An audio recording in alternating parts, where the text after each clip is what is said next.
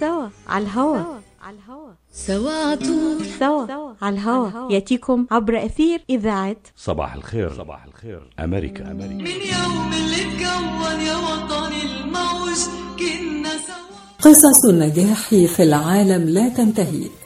في الأدب والفن في الموسيقى والغناء في المسرح والسينما في المال والأعمال في العلوم وفي السياسة. وفي كل زمان ومكان قصة نجاح تستحق أن نلقي عليها الأضواء. ونحن معكم على راديو صوت العرب من أمريكا نقدم لكم من خلال هذا البرنامج قصة من قصص النجاح. قصة نجاح من إعداد وتقديم مجدي فكري. مستمعي إذاعة صوت العرب من أمريكا في الولايات المتحدة وفي كل مكان من العالم. أهلا بكم معنا في قصة جديدة من قصص النجاح. حلقة اليوم من برنامج قصة نجاح. يسعدنا أن نقدم من خلالها نموذجا مشرفا ومشرقا لعالمة عربية تفوح من سيرتها الذاتية عطور الشام وتقرأ بين سطور قصتها عبق التاريخ الذي تنتمي إليه ويغلف رحلتها عراقة المكان الذي نبتت فيه هي ابنة حلب الشهباء المدينة السورية العريقة التي تعد واحدة من أقدم المدن في التاريخ. رحلتنا اليوم مع الأكاديمية والباحثة في علوم الأدوية الدكتورة ميس عبسي، وهي تعمل حاليا بالكلية الملكية بلندن في إنجلترا. ولدت وعاشت في سوريا قبل أن ترحل إلى بلاد الإنجليز لتبدأ قصة نجاح علمية غاية في التميز. واستطاعت خلال سنواتها التي عاشتها في إنجلترا أن تسطر حياة حافلة بالإنجازات التي تضيف إليها نجاحا بعد نجاح. تقيم الدكتورة ميس عبسي في بريطانيا وقد حصلت خلال هذه السنوات على شهادتي الماجستير والدكتوراه في علوم الأدوية من جامعة مانشستر.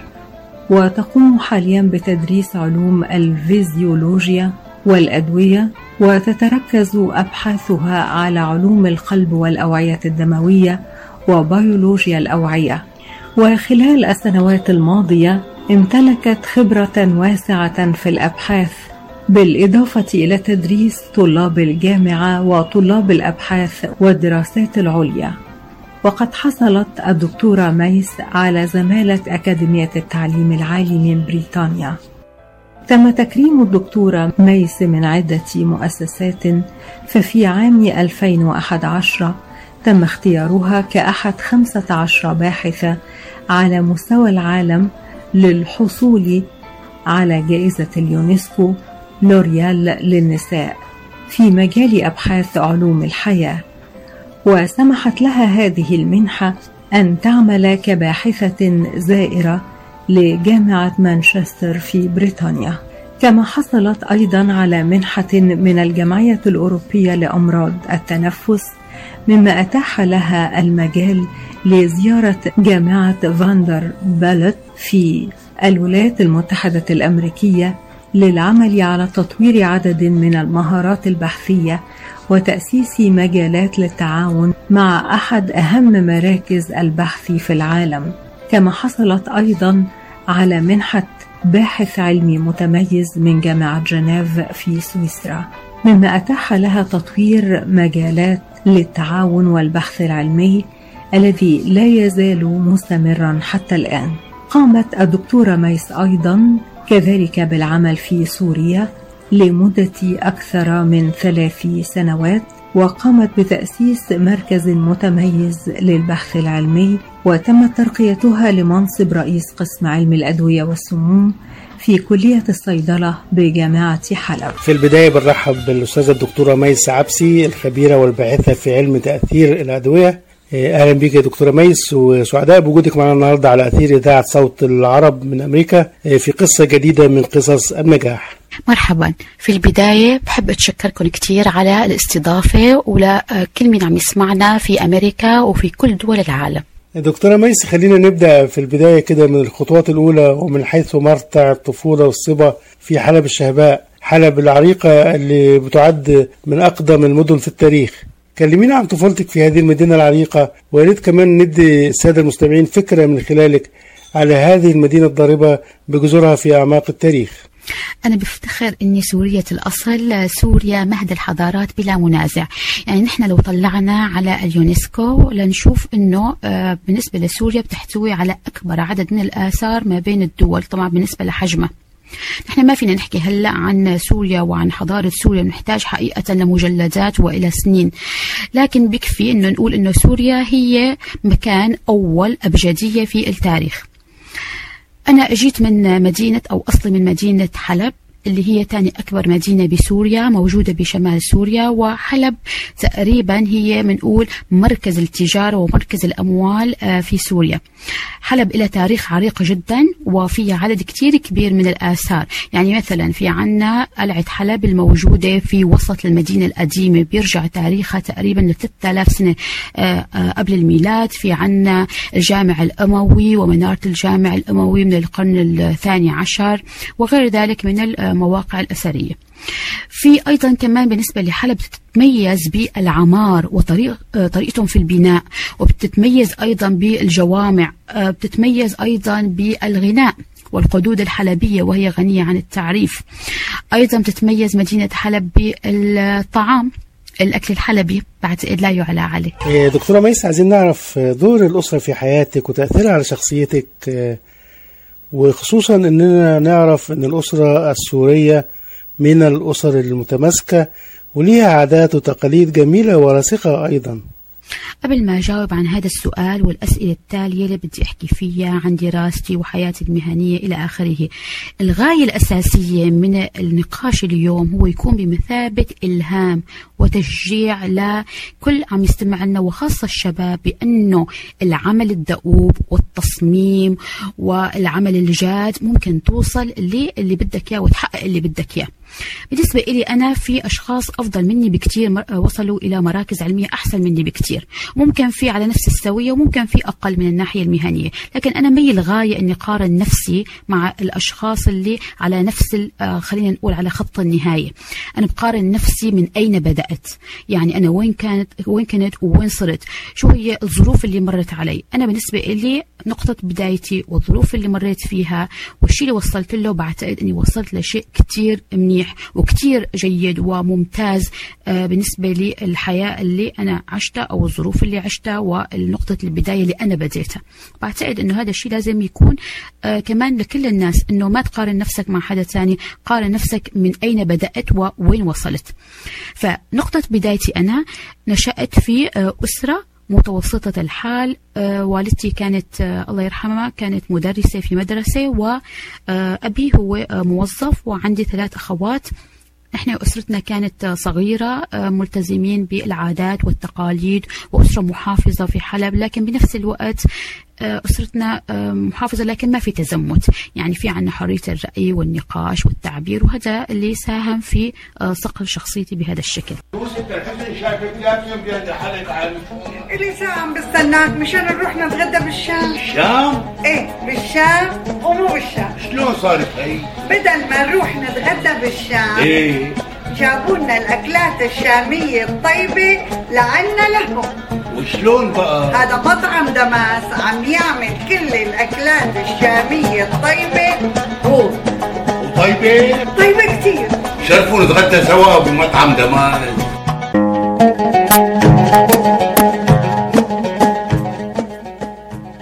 الأكل الشامي الأصيل فقط ب Damas Cuisine. زوروهم على 28841 Orchard Lake ب Farmington Hills. ولطلباتكم اتصلوا على 248-987-4609 That's 248-987-4609 Damas Cuisine and Catering جبنا لكم الشام لعندكم. حكيم عيون أفهم في العين وافهم كمان في ومن بمثل خبرة الدكتور عماد نقاش أستاذ الطب وجراحة العيون في جامعة Wayne خبرة طويلة في التعامل مع أمراض العيون وجراحتها عمليات تعديل وتصفية النظر إزالة الماء الأبيض والأسود الجلوكوما وتصحيح النظر من أثار مرض السكر. كادر متخصص ومتدرب لخدمتكم. شعبة متخصصة للنظارات الطبية والعدسات اللاصقة. يقبلون معظم أنواع التأمين الصحي زوروهم في عيادتهم الواقعة على John R وال Nine Mile في مدينة Hazel Park للمواعيد اتصلوا على 248 336 3937 248 336 3937 أو عيادتهم في Rochester Hills للمعلومات اتصلوا على 248 299 3937 248 299 3937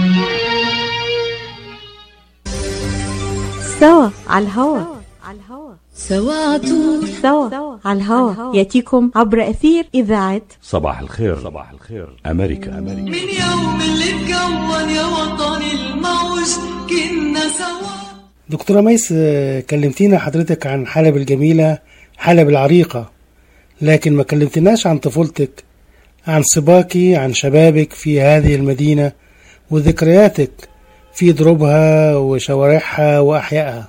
بعتقد في كتير ناس آه، بتتفق معي إنه لما كان في عنا الوقت القديم صحيح ما كان في عنا تكنولوجي وإنترنت لكن الحياة كانت أبسط وكانت حياة ممتعة ولقيتها بسيطة كانت آه، حلوة. وبنفس الوقت كانت العلاقات الاجتماعية أقوى بكتير من هلأ. فلما أنا كنت صغيرة كنت خلال الأسبوع مركزة في دراستي ولما بيكون عندي وقت آه، فراغ بركز بهواياتي بالشعر وبالرسم وبساعد أهلي بالبيت. ولما بيكون في عنا وقت وفرصة مثلا أنا بحب كتير روح على المدينة القديمة. بشكل عام عندي حب للمناطق التاريخية بتستهويني المناطق التاريخية كتير. ف آه، مع إني كنت عايشة بحلب بس كنت بتصرف مثل السياح. لما بيكون عندي أي فرصة بروح على القلعه بزور القلعه وبزور سوق المدينة. سوق المدينة سوق كتير مشهور هو أقدم سوق آه، مسقوف آه، كمان بي بي بعتقد في مثله كتير في في يعني معظم المناطق في الو- الدول في الوطن العربي. أيضا آه، بروح آه، بزور آه، مناطق آه، تاريخية آه، في سوريا بشكل عام. آه هذه الأمور كلها امتدت آه نفس الشيء نفس الروتين كان بشبابي لكن بوقت آه، الشباب صار التركيز أكثر على الحياة العملية. أنا قضيت آه، قسم قسم كثير مهم من حياتي أيضا عن بيت جدي وجدتي وجدي كان آم، إنسان مثقف جدا وأيضا كان آه، قارئ للكتب وموسوعات وأيضا كنت بقضي وقت كثير مهم مع جارنا كان مؤلف آه، كتب الإعجاز القرآني وكتب اللغة العربية فكنت أقضي كمان وقت كثير آه، معهم آه، لأن أنا كنت بحب القراءة. فهذا الشيء بعتقد أثر بشكل كثير كبير على شخصيتي فيما بعد. قبل دخولك كلية الصيدلة في جامعة حلب في سوريا بالتأكيد كانت هناك أحلام بتراودك عايزين نعرف أهم هذه الأحلام وقتها وأنت في ريعان الشباب كانت عبارة عن إيه؟ من وقت ما كنت صغيرة كان في عندي حب للعلم والمطالعة بشكل كتير كبير. يعني من وقت ما دخلت المدرسة لحد ما تخرجت من الجامعة كنت الطالب الأول دائما وفي كل سنة. حياتي تتمحور كلها حول الدراسة وفي أوقات الفراغ كنت بطالع يعني بقرأ بشكل كتير كبير. كتب تاريخية وأدبية وشعر ونثر وكتب طبية وعلمية. أي كتاب بيقع بين إيدي بقرأ. لكن الحياة ما كانت الأمور ما كانت بهالبساطة وبهالسهولة. يعني نحن ما كان في عنا إنترنت ما كان في عنا كمبيوتر ما كانت الكتب أصلا متوافرة. كان ال- الكتاب يتطلب البحث عنه. بنفس الوقت نحن عشنا بسوريا بوقت كان في آه، صعوبات بسبب إنه سوريا كانت بتخضع للعقوبات الأمريكية. فكان حتى موضوع الغذاء هو مشكلة. فما بالك بموضوع الدراسة. يعني نحن كنا نقضي ساعات أو حتى أحيانا أكثر من يوم تكون الكهرباء مقطوعة فنضطر إنه نحن ندرس على الشموع. مع ذلك هذا كل هذه الظروف ما خلت يعني ما سمحت لها أو ما أثرت في طموحي إني أنا بدي آه، يوما ما حقق اللي بدي إياه. كان في عندي هدف وأنا كنت شايفة هذا الهدف بكل وضوح وأنا عم بمشي بهذا الهدف أو باتجاه هذا الهدف بخطى واضحة. دكتورة ميس اختيارك للسير في طريق الدواء وعلوم الصيدلة. ده كان اختيار شخصي بحت ولا كان هناك دوافع أخرى لهذا الاختيار؟ أنا كانت طموحاتي إني أتعمق في مجال العلاجات ومجال الأدوية. ولهيك كان عندي الصيدله هو أقرب ما يمكن لتحقيق هذا الطموح. لكن أنا بالنسبة لي بطبيعتي وطبيعة شخصيتي كان من الصعب علي إني فقط أدرس صيدله وبعد أني أتخرج وأعمل في صيدليه لذلك كانت الصيد درست صيدله لكن كانت عبارة بالنسبة لي خطوة فقط من أجل إنه بعدين أكمل في المجال البحثي والمجال الأكاديمي مثل ما ذكرت لحتى تعمق في مجال الأدوية والعلاجات. طبعا ليس من شك أنك تعلقت بدراسة علوم الدواء والصيدلة رغم أنها دراسة شاقة كثيرا ودليل ذلك أنك تفوقت في هذه الدراسة في كلية الصيدلة في جامعة حلب. وبذلك استطعت الحصول على منحة للدراسة في جامعة مانشستر بإنجلترا. ودي أعتقد أنها كانت بداية قصة النجاح الحقيقية. كلمينا عن الفترة دي لو سمحت يا دكتورة ميس. دخلت كلية الصيدلة بجامعة حلب ودرست بشكل كتير كتير آه، جدي يعني لمدة خمس سنوات كنت في كل سنة الطالب الأول. وبعد ما خلصت حصلت على آه، منحة من أجل أنه أدرس بجامعة أوروبية أو آه، أو بأمريكا. وأيضا حصلت قبول ليس فقط من جامعات في أمريكا وإنما في أوروبا وجامعات كثير في بريطانيا لكن انتقائي إلى جامعة مانشستر كان فيه آه، بعض الأمور الشخصية اللي أنا كان يحتم علي أني آه، أجي لمدينة مانشستر. لكن بشكل عام برجع بقول أنه موضوع حتى الدراسة وقت كان بسوريا خلال هالخمس سنوات لم يكن سهل لأنه ما كان في عنا دائما متوفر مثل ما ذكرت المعلومات ولا الكتب ولا المراجع نراجع بشكل سهل. ما كان في عنا كمبيوتر ما كان في عنا إنترنت فكانت موضوع الدراسة موضوع صعب. وبنفس الوقت أساليب التدريس كانت تعتمد على تعتمد على الأسلوب التلقيني. بعد اللي انتهيت حصلت سجلت معيدية يعني كنت معيدة. وبعدين جيت لبريطانيا وبدأت بديت الماجستير بعلم تأثير الأدوية الجزيئي. دكتورة ميس بالتأكيد شيء رائع جدا إنك حصلتي على شهادة الماجستير. ومن بعدها الدكتوراه في علم الأدوية من جامعة مانشستر. عايزين نعرف شعورك في البدايات عندما جئت من سوريا كفتاة عربية تلتحق بجامعة إنجليزية. وما هي أهم الصعوبات اللي واجهتك في البداية؟ وكيف تغلبت عليها؟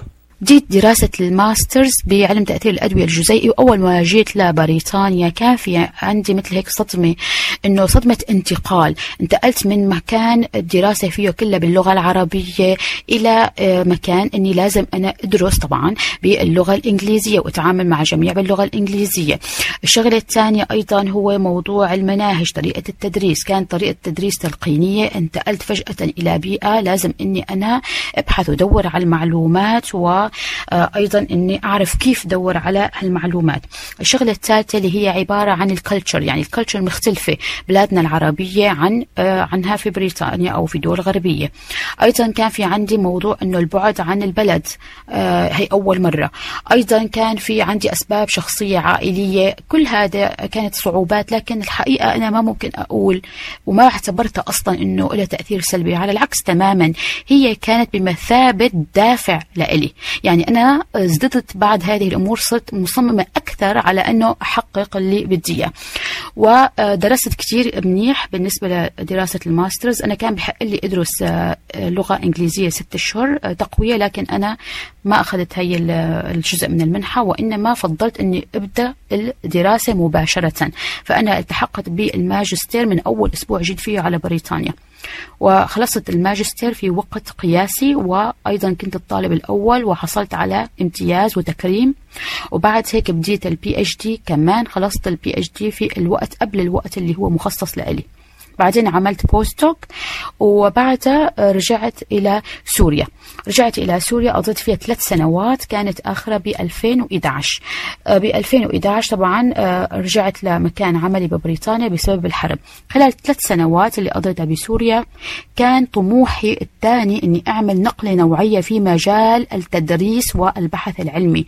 فأسست مركز بحثي كان الأول من نوعه في آه، تأثير الأدوية الجزيئي وكان مجهز بأحد أحدث التجهيزات وبديت أعمل كولابوريشن مع جامعات غربية وفي سويسرا وفي بريطانيا.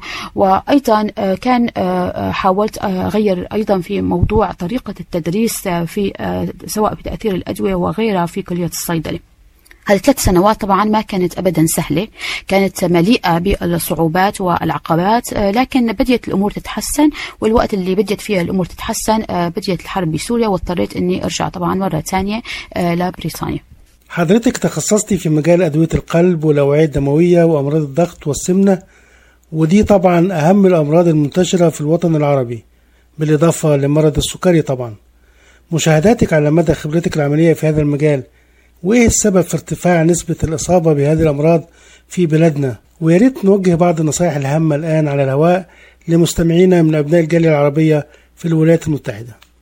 الأمراض القلبية الوعائية والداء السكري عنا في تصاعد في الوطن العربي للأسف لكن هذا الشيء ممكن تجنبه بالعودة فقط بشغلتين بعتقد. أولا هو زيادة الحركة الشيء الثاني هو بالعودة إلى النظام الغذائي الصحي اللي نحن مثلا لو نحكي على بسوريا مثلا نحن بنعتمد كثير على الخضار والفواكه وزيت الزيتون. لكن بعدين بفترة معينة بدأ موضوع آه، الأكل ال- السريع يعني fast food وموضوع تقليد الغرب بعاداتهم وتقاليدهم. وبدينا بالوطن العربي للأسف نعمل هذا الشيء في الوقت اللي أدركوا فيه الشعوب الغربية وبما فيها أيضا بأمريكا أنه نظام حياتهم كان خاطئ وبديوا يرجعوا إلى نظام الحياة الصحي. بينما نحن بالوطن العربي لازلنا أنه عم نحاول أو بنعيد التجربة الخاطئة اللي عملوها الغرب وعملتها أمريكا. فأنا بعتقد أنه العودة إلى النظام الغذائي الصحي اللي نحن كنا نعتمده أو يعتمدوه آه، أجدادنا في الوطن العربي. بنفس الوقت زيادة الحركة موضوع الحركة والرياضة هذا كله آه، عبارة عن أسباب وقائية سهلة وممكن نعملها لكن لها تأثير كتير كبير في آه، تخفيض نسبة الأمراض القلبية الوعائية. سوا على الهوا. سوا على طول. سوا على الهوا. يأتيكم عبر أثير إذاعة. صباح الخير. صباح الخير. أمريكا. أمريكا. من يوم اللي اتكون يا وطني الموج يوسف الحسن شايفك حالك عن إلي ساعة عم بستناك مشان نروح نتغدى بالشام. الشام إيه بالشام ومو بالشام. شلون صارت هي؟ بدل ما نروح نتغدى بالشام إيه. جابوا لنا الأكلات الشامية الطيبة لعنا لهم. وشلون بقى؟ هذا مطعم دماس عم يعمل كل الأكلات الشامية الطيبة. هو وطيبة؟ طيبة كتير. شرفوا نتغدى سوا بمطعم دماس.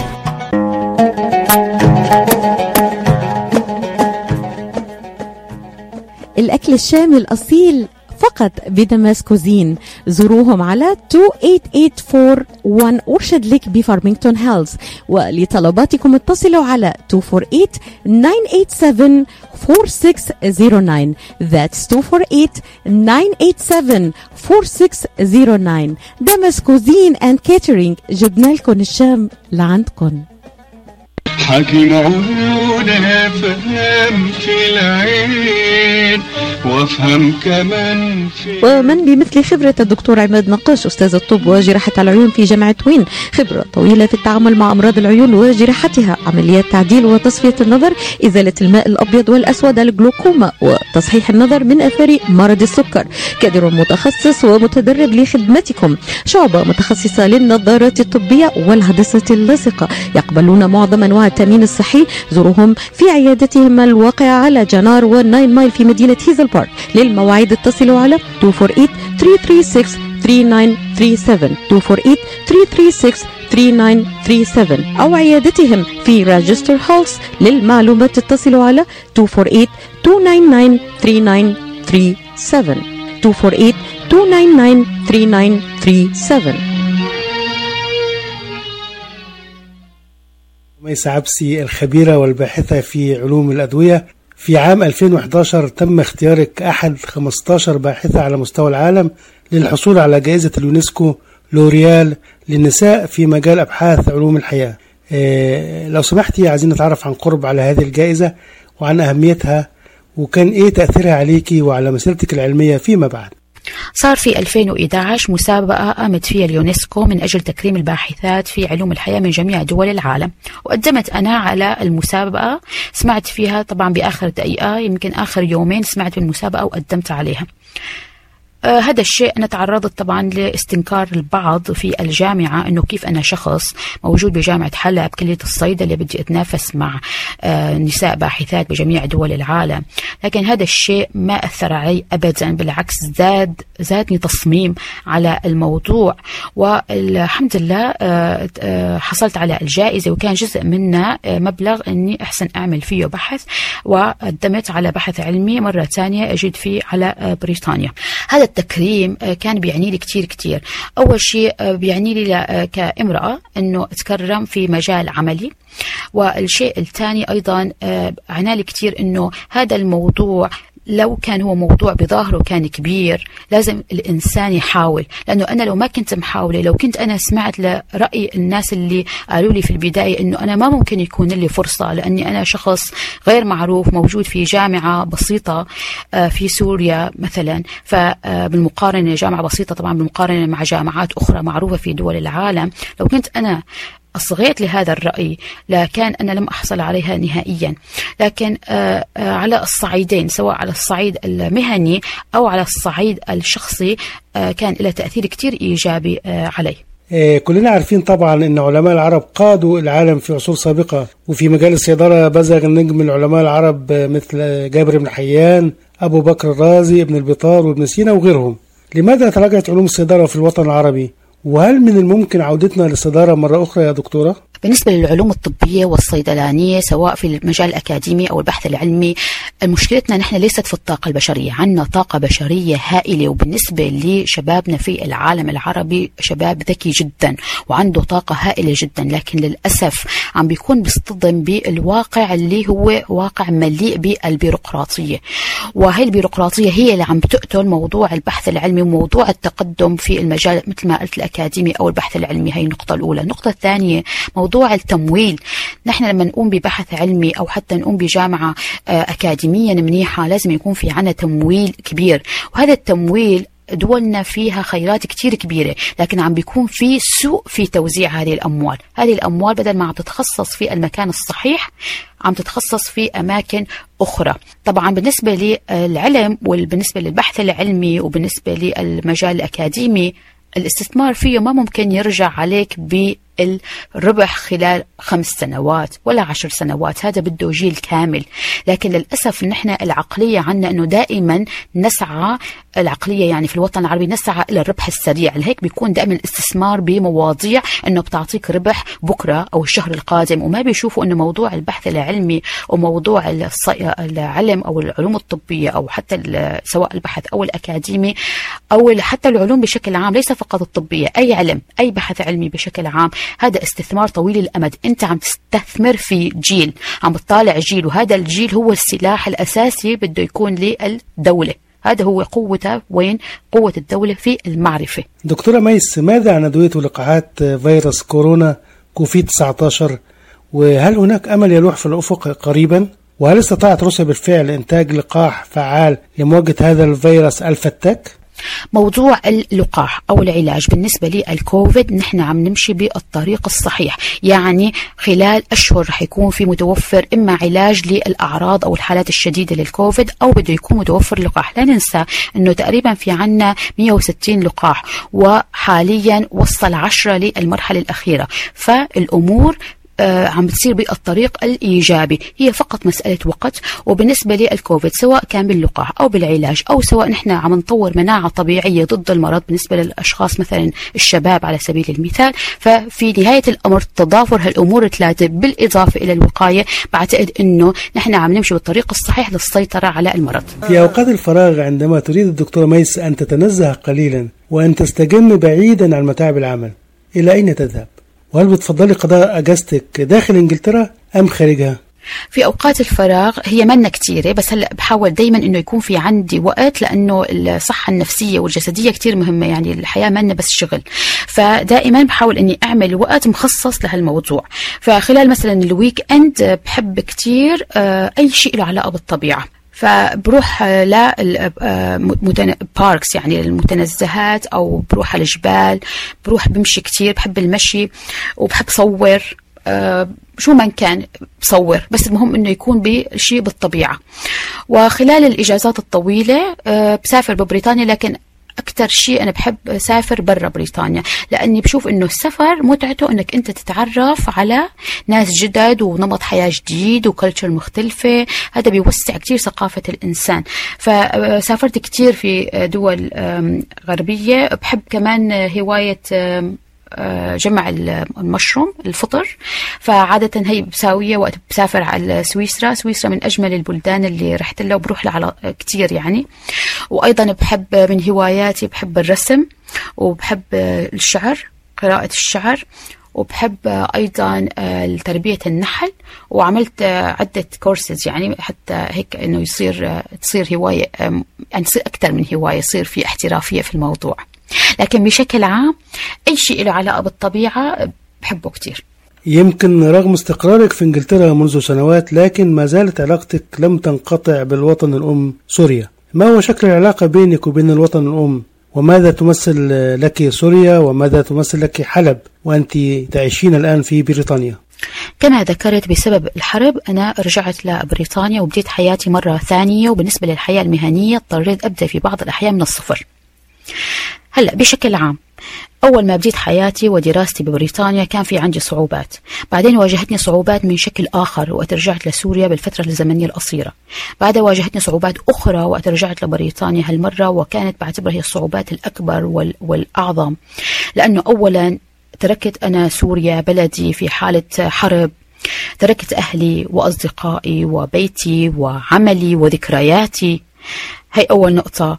النقطة الثانية أيضا على الصعيد الشخصي. كان في عندي صعوبات كتير كبيرة لكن ممكن أني أذكر أحد هذه الصعوبات آه، اللي هي أنه آه، والدتي آه، وأختي مرضوا بالسرطان وأمي توفت في سوريا وما حسنت أني ساعدها بسبب الحرب وأختي بعدين توفت بأمريكا.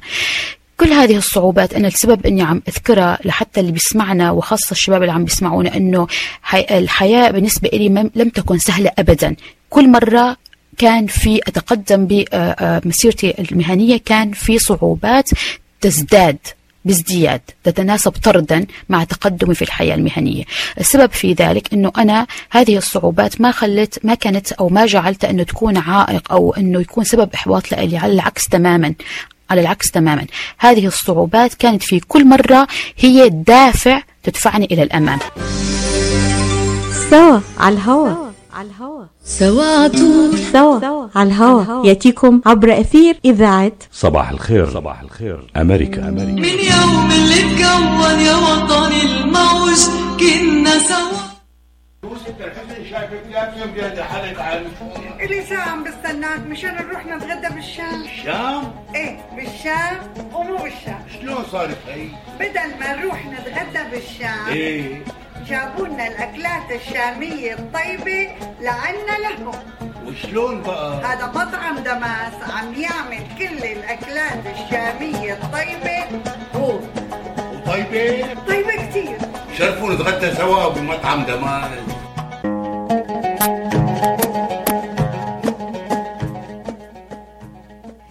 الأكل الشامي الأصيل فقط ب Damas Cuisine زوروهم على 28841 Orchard Lake بفارمينغتون هيلز. ولطلباتكم اتصلوا على 248 987 4609 That's 248 987 Damas Cuisine and Catering جبنا لكم الشام لعندكم. حكي معقولة أفهم في العين وأفهم كمان في ومن بمثل خبرة الدكتور عماد نقاش أستاذ الطب وجراحة العيون في جامعة وين. خبرة طويلة في التعامل مع أمراض العيون وجراحتها عمليات تعديل وتصفية النظر إزالة الماء الأبيض والأسود الجلوكوما وتصحيح النظر من أثار مرض السكر. كادر متخصص ومتدرب لخدمتكم. شعبة متخصصة للنظارات الطبية والهندسة اللاصقة. يقبلون معظم أنواع التأمين الصحي زوروهم في عيادتهم الواقعة على جنار والناين مايل في مدينة هيزل بارك للمواعيد اتصلوا على 248 336 3937 248 336 3937 أو عيادتهم في راجستر هولس للمعلومات اتصلوا على 248 299 3937 248 299 3937 دكتورة ميس زرتي عدد من الدول العربية. عايزين نعرف أي من هذه الدول بتستهويكي زيارتها دايما أو بتحبي إنك تزوريها بشكل مستمر. وما هي أهم ذكرياتك في هذه الدول؟ قبل ال 2011 وباعتبار كنت عايشة ببريطانيا معظم آه، زياراتي كانت لدول غربية. ولأني بحب السفر كثير لكن من بعد ما صارت الحرب بسوريا ولأني أنا ما رجعت للبلد فأنا صار في عندي تعلق أكبر بالوطن العربي. فصار آه، البلان هلأ الجديدة الخطة الجديدة إني أنا آه، سافر لأكبر عدد ممكن من الدول العربية. فبديت حقيقة رحت رحت للبنان عدة مرات ورحت للإمارات وزرت مصر وزرت الجزائر. أه مثلا زيارة مصر كانت حقيقة قصيرة لكن حسنت روح فيها على المتحف رحت فيها على الأهرامات. أه أه شيء رائع جدا يعني وبتمنى أني أرجع مرة ثانية رح أروح مرة ثانية لحتى أشوف الإسكندرية. بحب الإسكندرية مع أني ما شفتها لسه. الجزائر أنا فتنت فيها أيضا كمان عندهم جمال طبيعة عندهم تاريخ مناطق تاريخية رائعة. أيضا لبنان الإمارات يعني كل دولة لها طابعها الخاص. وشيء جميل جدا نحن في نهاية الأمر ما ننسى إنه الدول العربية مجمعنا يعني مو بس اللغة ثقافة متشابهة. فمشروعي هلأ القادم إني بدي أحاول أروح إلى أكبر عدد ممكن من الدول العربية. رحلة الأحلام لا تنتهي داخل كل منا. فما هي الأحلام التي لم تتحقق بعد؟ وتود الدكتوره ميس عبسي تحقيقها في المستقبل إن شاء الله. أنا إنسانة طموحة جدا جدا وعندي أحلام وأهداف وطموحات كتير كبيرة وكتير متنوعة وبعتقد إنه حتى الزمن اللي بدي أعيش فيه ما رح يكفي حقق كل اللي بدي إياه لهيك كسفيرة علمية بحاول دايما إني أشجع وحفز الشباب على إنه يحققوا طموحاتهم لأنه هن من خلال تحقيق اللي بدهم إياه بعتقد هذا عم بيعطيني دفع كتير كبير لا أستمر في حياتي المهنية وأستمر للأمام. كلمة أو رسالة أخيرة بتوجهيها إلى الجالية العربية وخاصة الجالية السورية في الولايات المتحدة الأمريكية. رسالتي تتلخص بثلاث نقاط. أولا ثق بنفسك وأصغي لطموحك. اثنين ما في شيء اسمه ديدلاين المهم أنك تبدأ وتبدأ اليوم. وشغلة الثالثة والمهمة لا تقارن نفسك مع الآخرين. قارن نفسك مع نفسك من أين انطلقت وأين وصلت. سعدنا كثيرا بوجودك معنا النهاردة في قصة من قصص النجاح كنموذج مشرف للمرأة العربية خارج حدود الوطن العربي وتميزك العلمي في بريطانيا دكتورة ميس عبسي ابنة حلب الشهباء الخبيرة والباحثة في علوم الأدوية بإنجلترا. بنشكرك جدا بنتمنى لك التوفيق في رحلتك مع البحث العلمي وفي رحلتك نحو الصعود إلى قمة المجد. شكرا كثيرا. بتشكركم مرة تانية على الاستضافة وبتشكر كل اللي كان عم يستمع لنا وبتمنى للجميع التوفيق. شكرا لكم مستمعينا الكرام وإلى اللقاء مع حلقة جديدة وقصة جديدة من قصص النجاح.